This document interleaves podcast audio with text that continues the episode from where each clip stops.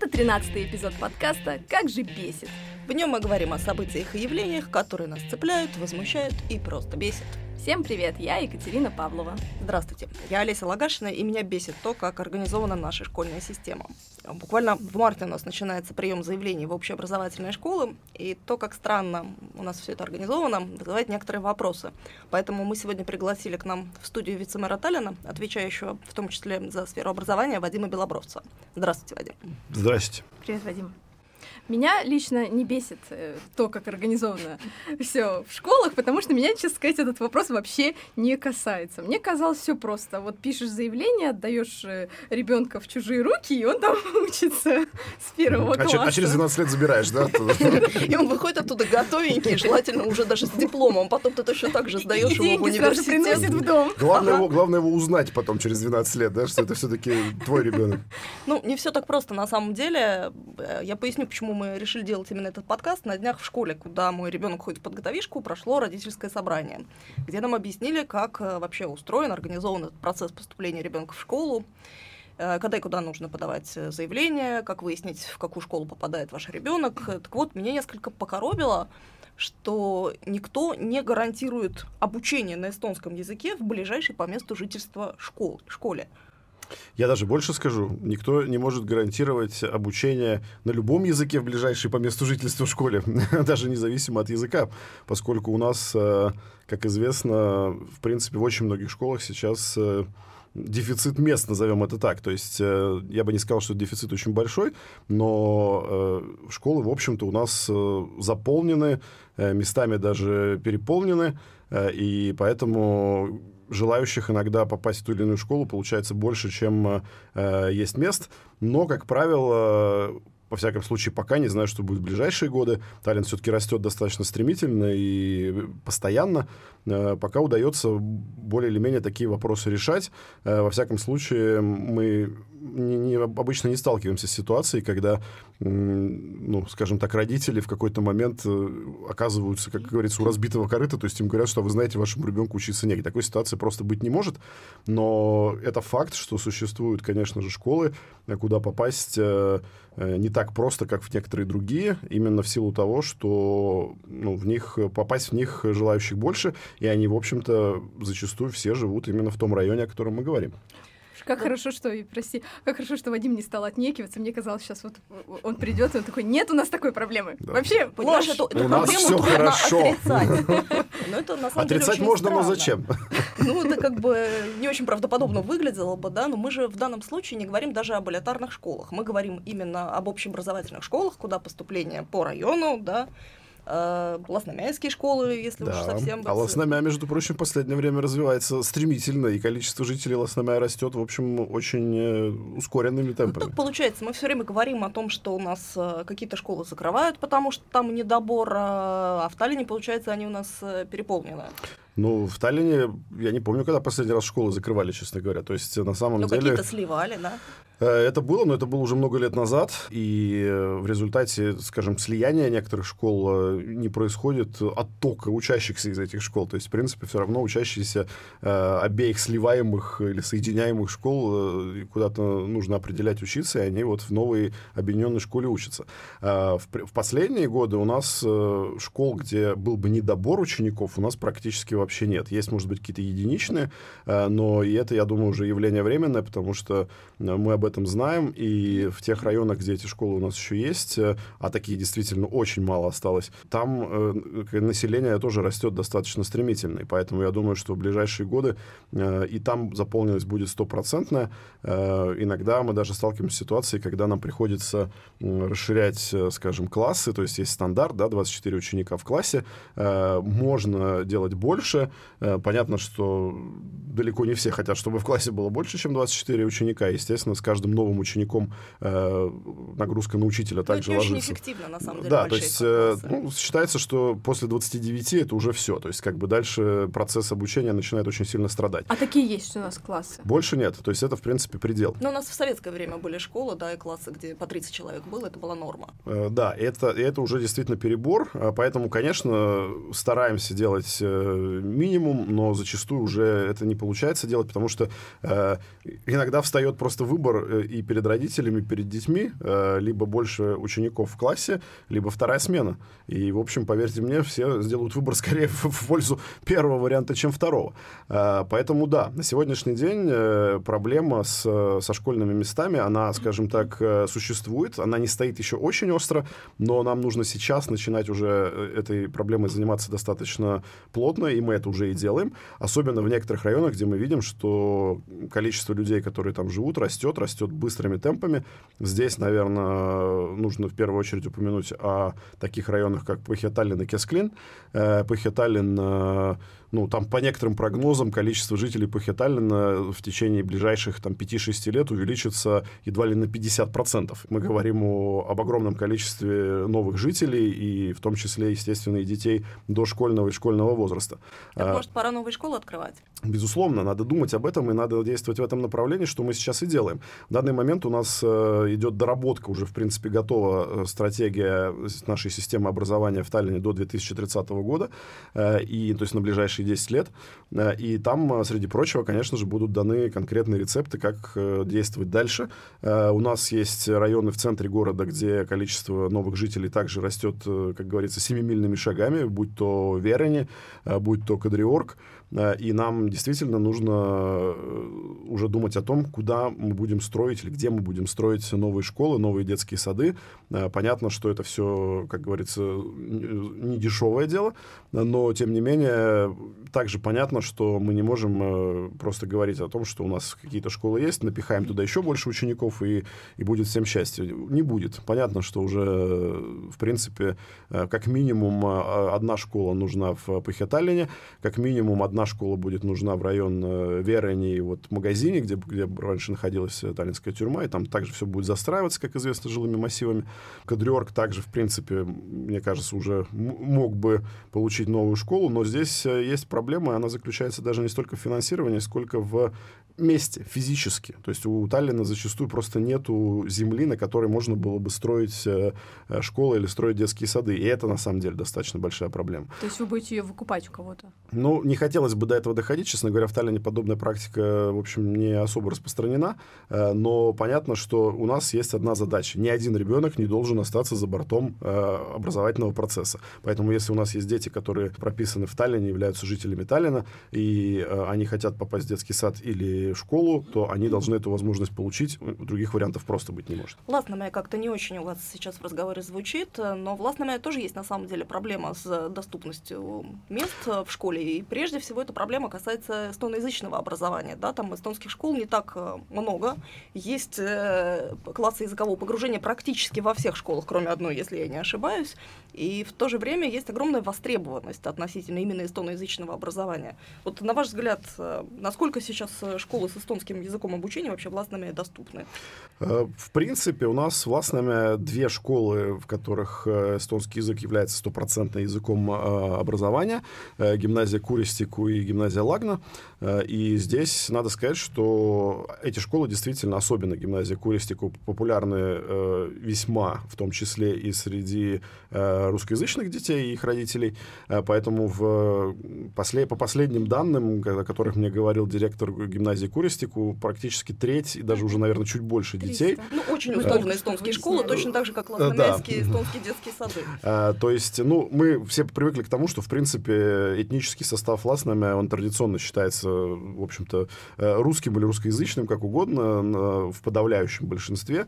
Э, в принципе, наверное, это и логично, что если в таком районе количество людей, количество жителей с родным эстонским языком гораздо меньше, чем э, с родным русским языком, то, естественно, и количество школ, э, где образование ведется в основном на русском языке, будет больше. Э, и в то же время, конечно же, у нас будет ситуация, при которой э, немало родителей хотят своих детей отдать в школу, где эстонский язык является языком образования на 100%, и поэтому это, в свою очередь, приводит к таким ситуациям.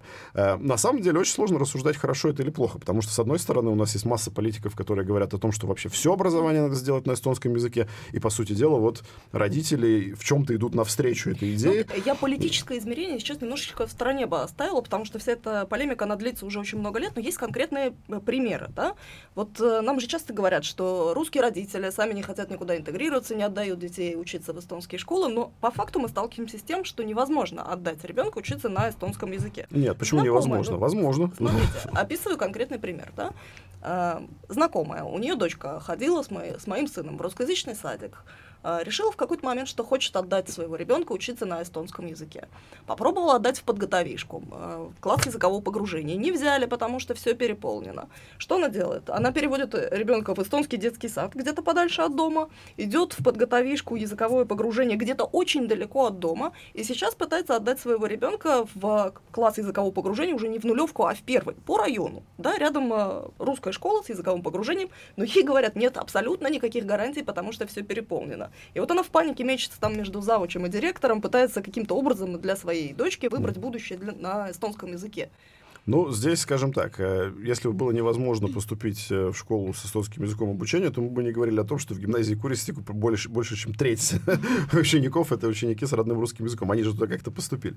Но... Но в том районе много людей живет. Да, естественно. И э, опять-таки мы приходим к тому, что большинство этих людей, причем подавляющее большинство, это все-таки люди, у которых родной язык, скорее всего, русский, а не эстонский. Но все-таки на весь большущий район Ласнаме, да, всего две эстонских школы. Ну, скажем так, что... Куристику достаточно далеко. Да, и, и тем, ну, правильно, потому что ведь эстонские школы, они изначально э, делались все-таки, наверное, для детей, да, в, у которых родной язык эстонский. И, соответственно, э, спрос был именно такой, что больше двух школ на этот район, э, видимо, было и не нужно. Не факт, что это нужно и сейчас, потому что, ну, я не знаю о тех э, каких-то фактах, которые приводились бы, скажем, эстонскими родителями, что вот они хотели отдать своего ребенка, например, в гимназию Лагна или в гимназию Куристику, и не могли этого сделать. То есть, а в принципе, мэрия получается, что... образом изучает существующий спрос на эстоноязычное образование в типично русских районах? Скажем так, что прям вот отдельно такой какой-то статистики мы не ведем, э, но мы решаем проблемы по мере их поступления. То есть, если мы будем видеть, что проблема есть, если к нам будут приходить, скажем, э, ученики и говорить о том, что они не могут попасть, например, в эстонскую школу в там, районе Ласнаме, очень сложно назвать какой-то район русский район, да, то есть как будто у нас Ласнаме традиционно считается русским районом. Э, ну да, этнический состав Ласнаме всегда был таким, что количество русскоязычных жителей в нем было намного больше, чем количество эстоноязычных жителей. Но в то же время, во-первых, эта ситуация немножко меняется со временем, то есть эстонцев там становится больше, Э, во-вторых, э, ну, с Ласнами, допустим, а как, вот что мы скажем про район Хаберсти? Русский это район или не русский? Там, в принципе, соотношение практически 50 на 50. Пахеталин. Еще не так давно его чуть ли не полностью называли русским районом. Теперь мы понимаем, что в Пахеталине на самом деле как бы уже э, гораздо меньше жителей, у которых родной язык русский язык, ну, чем, чем тех, у кого, у кого родной язык эстонский. То есть, ну, опять-таки, что Пахеталин, он ведь очень разнородный. Мы, мы говорим о э, Копле, мы говорим о Каламае, мы говорим о Пельгулине. То есть, в принципе, все очень по-разному. Поэтому здесь э, проблемы решаются по мере поступления, и мне кажется, что вот знакомые ваши посоветую э, обратиться не в, столько в саму школу, потому что там, может быть, директора и перестраховываются, у них какие-то свои там соображения и так далее.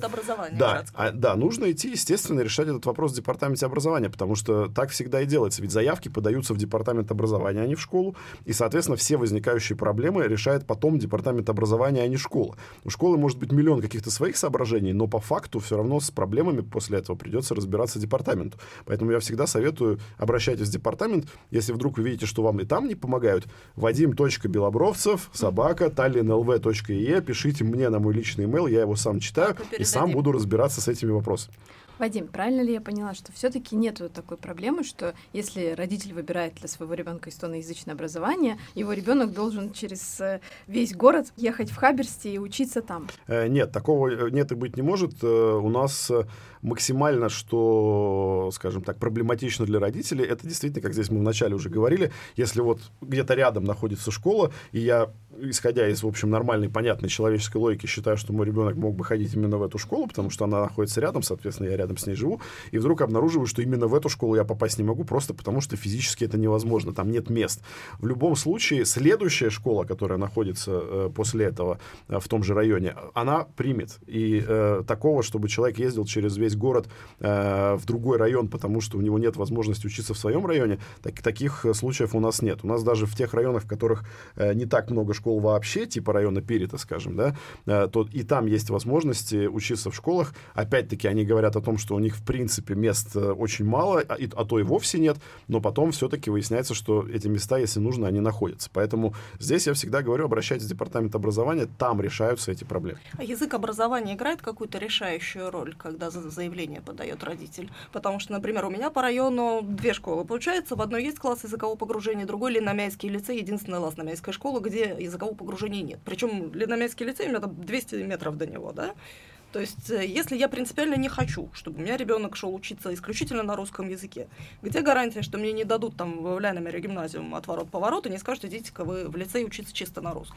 А, здесь нужно просто сразу обозначить свое желание. То есть, если вы хотите, чтобы ребенок действительно учился, вот, допустим, в школе с языковым погружением, то вам будут подбирать школу с языковым погружением, независимо от того, живете вы рядом с одной или с другой школой. Здесь понятно, что вы исходите из каких-то очень конкретных соображений, и, и в зависимости от этого, соответственно, и э, будет э, решаться этот вопрос. Поэтому здесь, э, я думаю, что никаких проблем возникать не должно.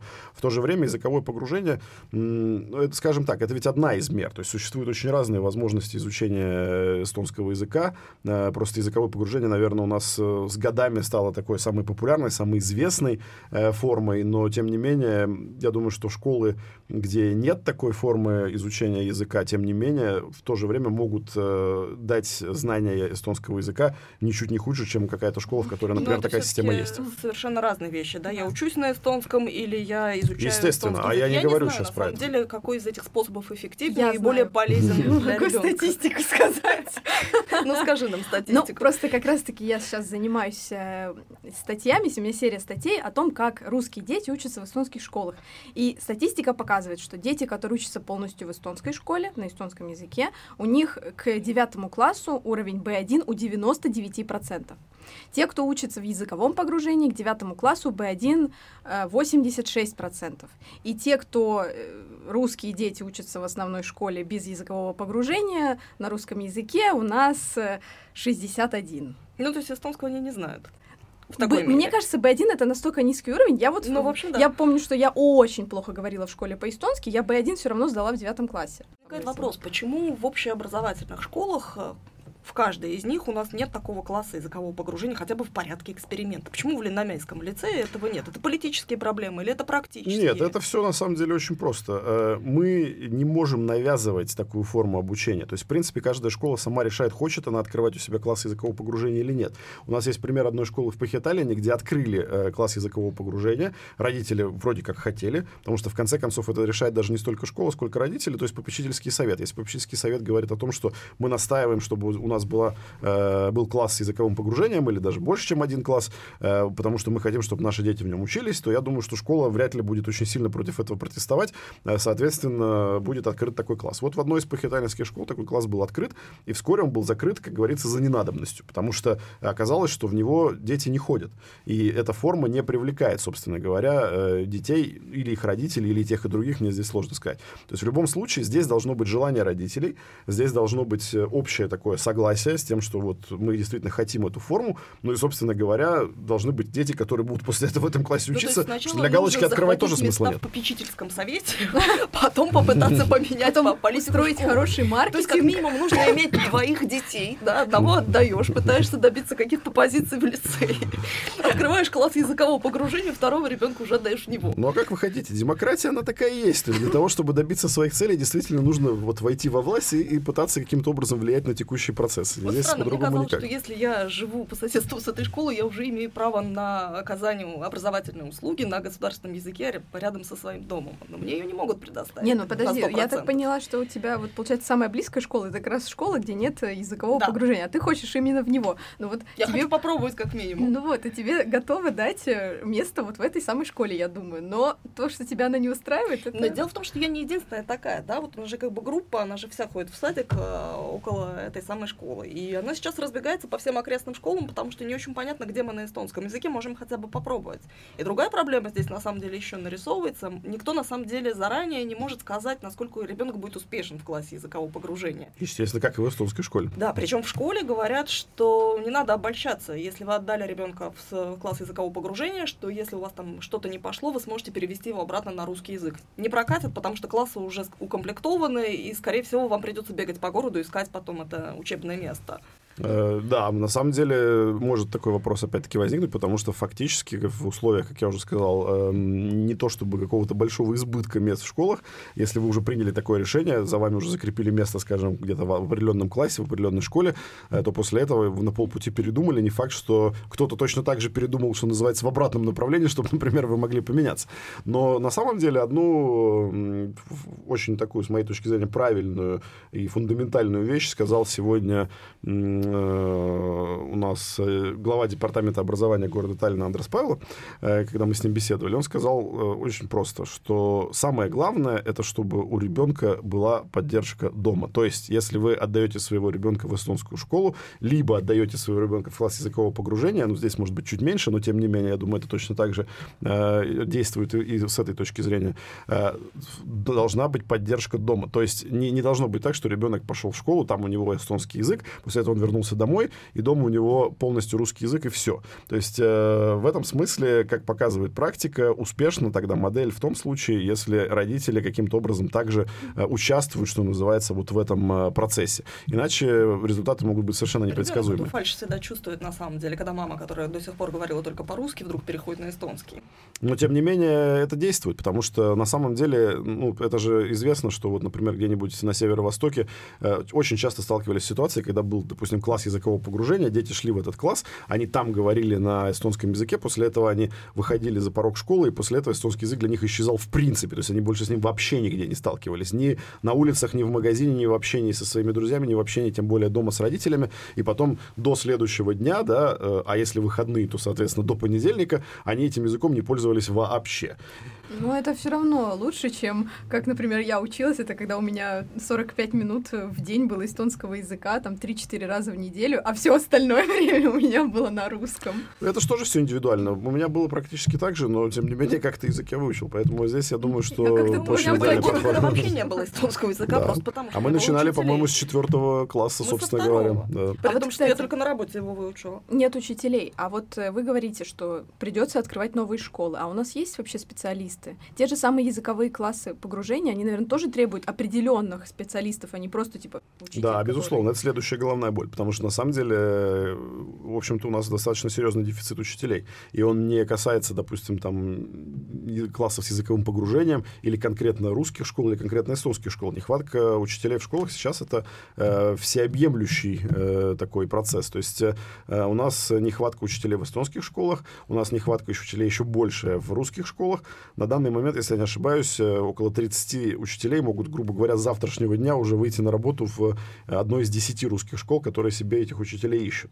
То есть э, это на самом деле очень большая проблема, и здесь э, ее надо решать, как мне кажется, вообще на государственном уровне, потому что, с одной стороны, вроде как государство и заботится о том, чтобы больше мотивировать людей идти работать учителями, и вроде как и зарплаты у нас у учителей растут уже третий год подряд. И система бонусов существует. Да, и существуют так называемые мотивационные пакеты и так далее, но тем не менее количество учителей у нас почему-то не растет, а даже скорее может быть наоборот. И особенно э, примечательно то, что не очень-то молодые люди стремятся идти в школу э, обучать.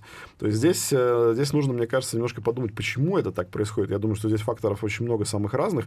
От того ли, что профессия учителя не так э, престижна в наше время, от того ли, что у нас, э, очень многие ведь говорят об этом, что у нас у учеников уже теперь столько прав вместо обязанностей, что учителя просто иногда боятся на самом деле что-то что делать на уроке. Э, очень часто у нас теперь активные родители при, начинают все время ходить в школу и, э, ну, извините за выражение, ну, ну, качать права, да, то есть я понимаю, когда родители приходят действительно по делу, а иногда приходят просто так э, и начинают, например, давить на учителей. Учителя зачастую просто не знают даже, как на это реагировать. То есть я, я не знаю, в свое время было у меня так, э, это, конечно, такие воспоминания старого революционера, да, как вот, а вот в мое время было. Меморная вот. Да, да, да. Но я точно знал, что чем меньше у моих родителей вообще будет каких-либо поводов прийти в школу, тем, тем для меня лучше и спокойнее, потому что если мои родители приходят в школу, это значит, что что-то очень нехорошее произошло перед этим или может произойти. Поэтому я как бы старался максимально избегать таких ситуаций. Сейчас это совершенно в порядке вещей. Родители ходят все время в школу, все время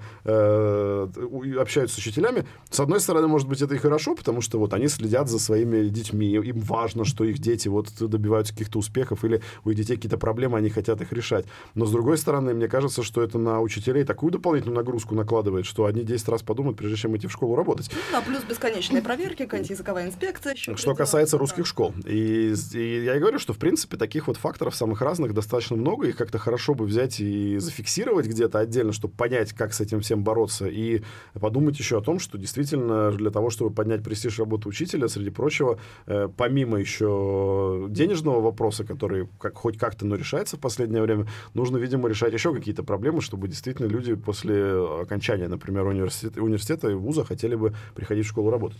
Ну вот смотрите, осенью 2017 года открыли муниципальный дом для учителя. Ну, в смысле, до, дом учителей, как говорится. Мгм. То есть, э, где учитель может получить э, по льготным ценам арендовать себе квартиру. Там вроде как было 75 квартир. А какое состояние сейчас этого дома? Он заполнен полностью? Он, вы как-то знаете об этом? Очередь, Очередь? конечно. Прям все вот так хотят жить? Безусловно. Э, потому что мы очень часто ведь имеем дело не с жителями Таллина. И, соответственно, люди, которые приезжают сюда обучать, они встают в- на учет, в, в очередь на получение жилья именно в этом доме. И э, у нас действительно э, периодически происходит такое заседание комиссии, если это можно так сказать. Ну, как правило, оно электронно проходит, виртуально, э, где мы ставим на учет все новых людей или кого-то снимаем с учета, если человек, например, перестал э, в Таллине работать. Э, Но, как правило, мы ставим на учет гораздо больше, чем людей, э, чем тех, кого мы с учета снимаем. И там действительно очередь. Длинная очередь? Несколько десятков человек. Ого, сурово. То есть, в принципе, Ну, как бы учителя есть, но они где-то там. Но у них нет возможности здесь жить и работать. Нет, возможность-то есть, просто смысл в том, что Таллин как вот такую дополнительную э, меру по, может быть, мотивированию э, учителей, особенно иногородних, которые бы сюда могли приехать и здесь получить на достаточно льготных условиях жилье э, муниципальное, э, у нас вот есть, да, такая, такая мера, но, в принципе, мы видим, что таких домов можно еще строить и строить, и Ну все вот, а равно если спрос вы будет. видите, собираетесь? Э, Обсуждаем, потому что, в принципе, ну, мы видим, что мера популярная, но это же огромные расходы. То есть, в принципе, строительство такого дома — это миллионы евро, соответственно, нужно эти миллионы где-то брать. Миллионы. Конечно.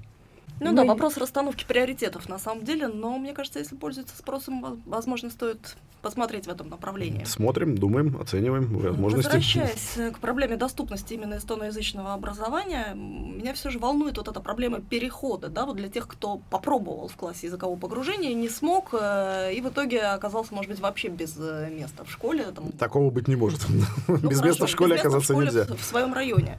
А Вы задумывались когда-нибудь о том, чтобы создать, что ли, систему подстраховки, что ли, да, чтобы не приходилось в последний момент э, действительно бегать по городу и искать это место? Э, Система подстраховки, она есть всегда. Она называется департамент образования. Как я все время говорю, все вопросы решаются по мере их поступления. Ну, То есть, если... ты в департамент образования, тебе говорят, ничего не можем сделать, это был ваш выбор, оставляйте вашего ребенка туда, там, где вы его... Нет, так, Куда не, так не говорится. Потому что если есть проблема, и департамент видит, что проблема есть, то эта проблема, конечно, решается. Потому что, ну, как можно ребенка оставлять там, где для него абсолютно некомфортная среда, и он понимает, что он там не, не то, что не развивается, а скорее деградирует. Поэтому здесь как раз э, мы же прекрасно понимаем, что далеко не все формы обучения подходят всем. И, соответственно, э, как я говорю, одна из мер просто да, по изучению языка, языковое погружение, оно тоже может подойти далеко не всем. Соответственно, если родители видят, что ребенку эта форма не подходит, ребенок несчастлив в школе, э, то здесь мы в любом случае придем на помощь, и мы как-то этот вопрос будем регулировать.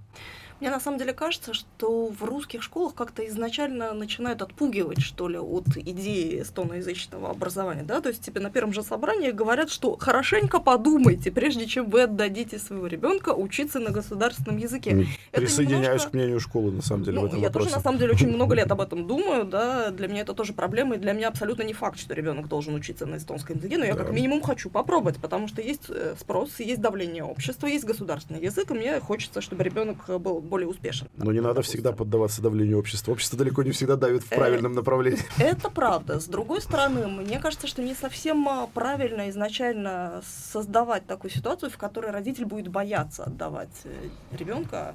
И это сложно прокомментировать. Это нужно как бы обсуждать тогда конкретные школы и конкретных э, школьных руководителей, потому что ну, я о таких ситуациях не знаю.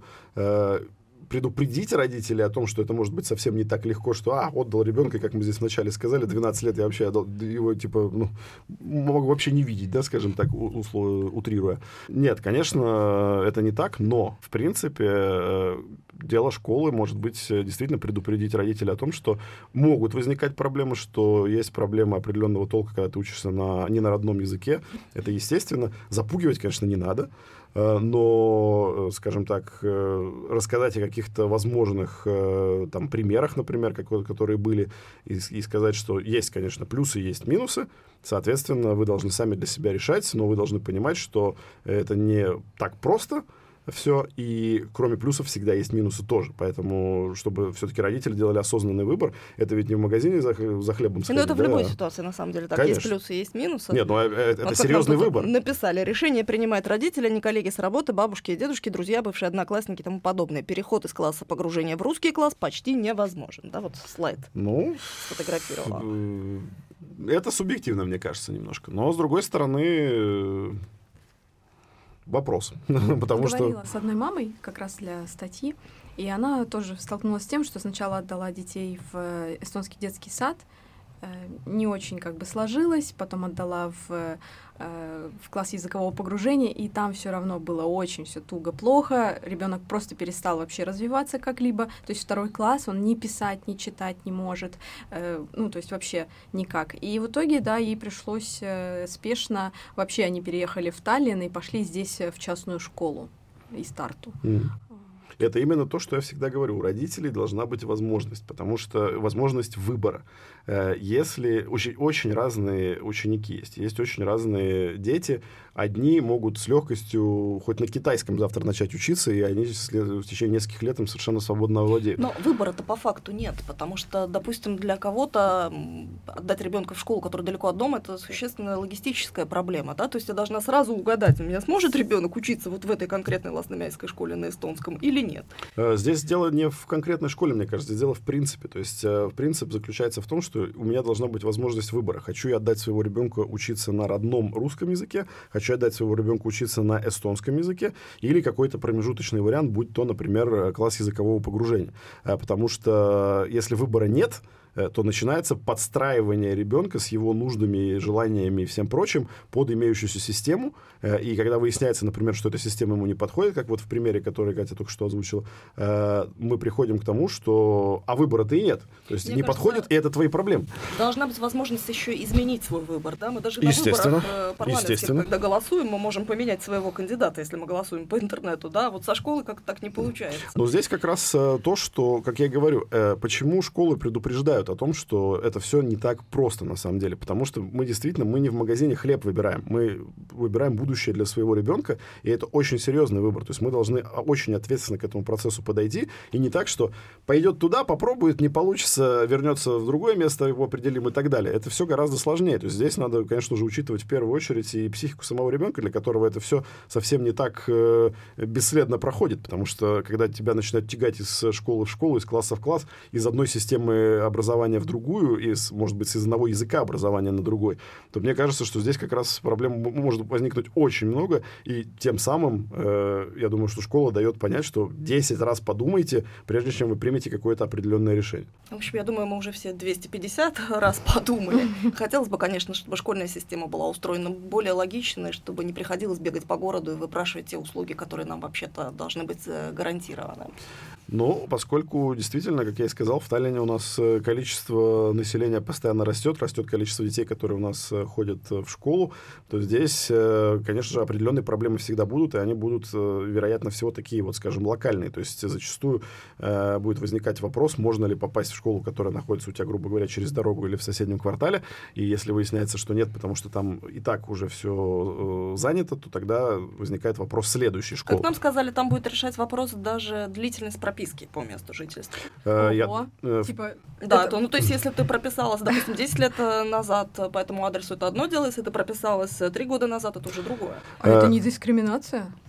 Но есть же такой феномен, что люди специально прописываются ближе к школе, куда они хотят отдать Надеюсь, что они ребенка. туда попадут, да. Но на самом деле здесь весь вопрос ведь в том, а как Потому что мы говорим, например, о том, что у нас есть школы, скажем, которые в народе иногда называют элитными, у которых, э, скажем так, набор на весь город, да, то есть не конкретно по географическому Ну, признаку. города. Э, Да, это центральная у нас школа, общегородской набор. э, И мы говорим о том, что туда есть вступительные экзамены. И все говорим о том, что ну, это никому не нравится. Мне это тоже не нравится. Я всегда тоже говорю, что это на самом деле не очень хорошая практика.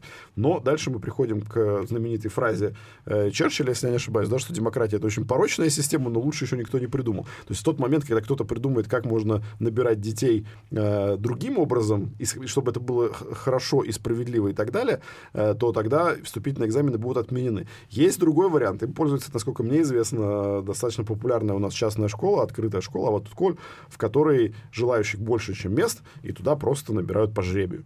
Я не знаю, насколько это как бы Ш- по правильный. жребию, в смысле, вот так вот Да, ска- скидывают так. имена в шапочку. Там есть баланс между русскими детьми, эстонскими детьми, гендерный баланс. Они очень Да, соблюдают конечно, такие все потому вещи. что у них такая они концепция. экс- Экспериментальная Э, школа, но какой- она при этом еще платная. В какой-то момент э, они на самом деле считали, когда открывались, что э, у них будет э, э, перебор русских детей, что все захотят, чтобы именно русские дети шли туда учиться, а вот эстонцы своих детей не захотят туда отдавать, которые, чтобы дети эстонские учились вместе с детьми русскими в одной школе. Э, И заранее сказали, что вот э, для себя решили, э, что вот максимум у нас будет 60% русских детей, ни в коем случае не больше, потому что иначе нет смысла в этой концепции, которую они придумали.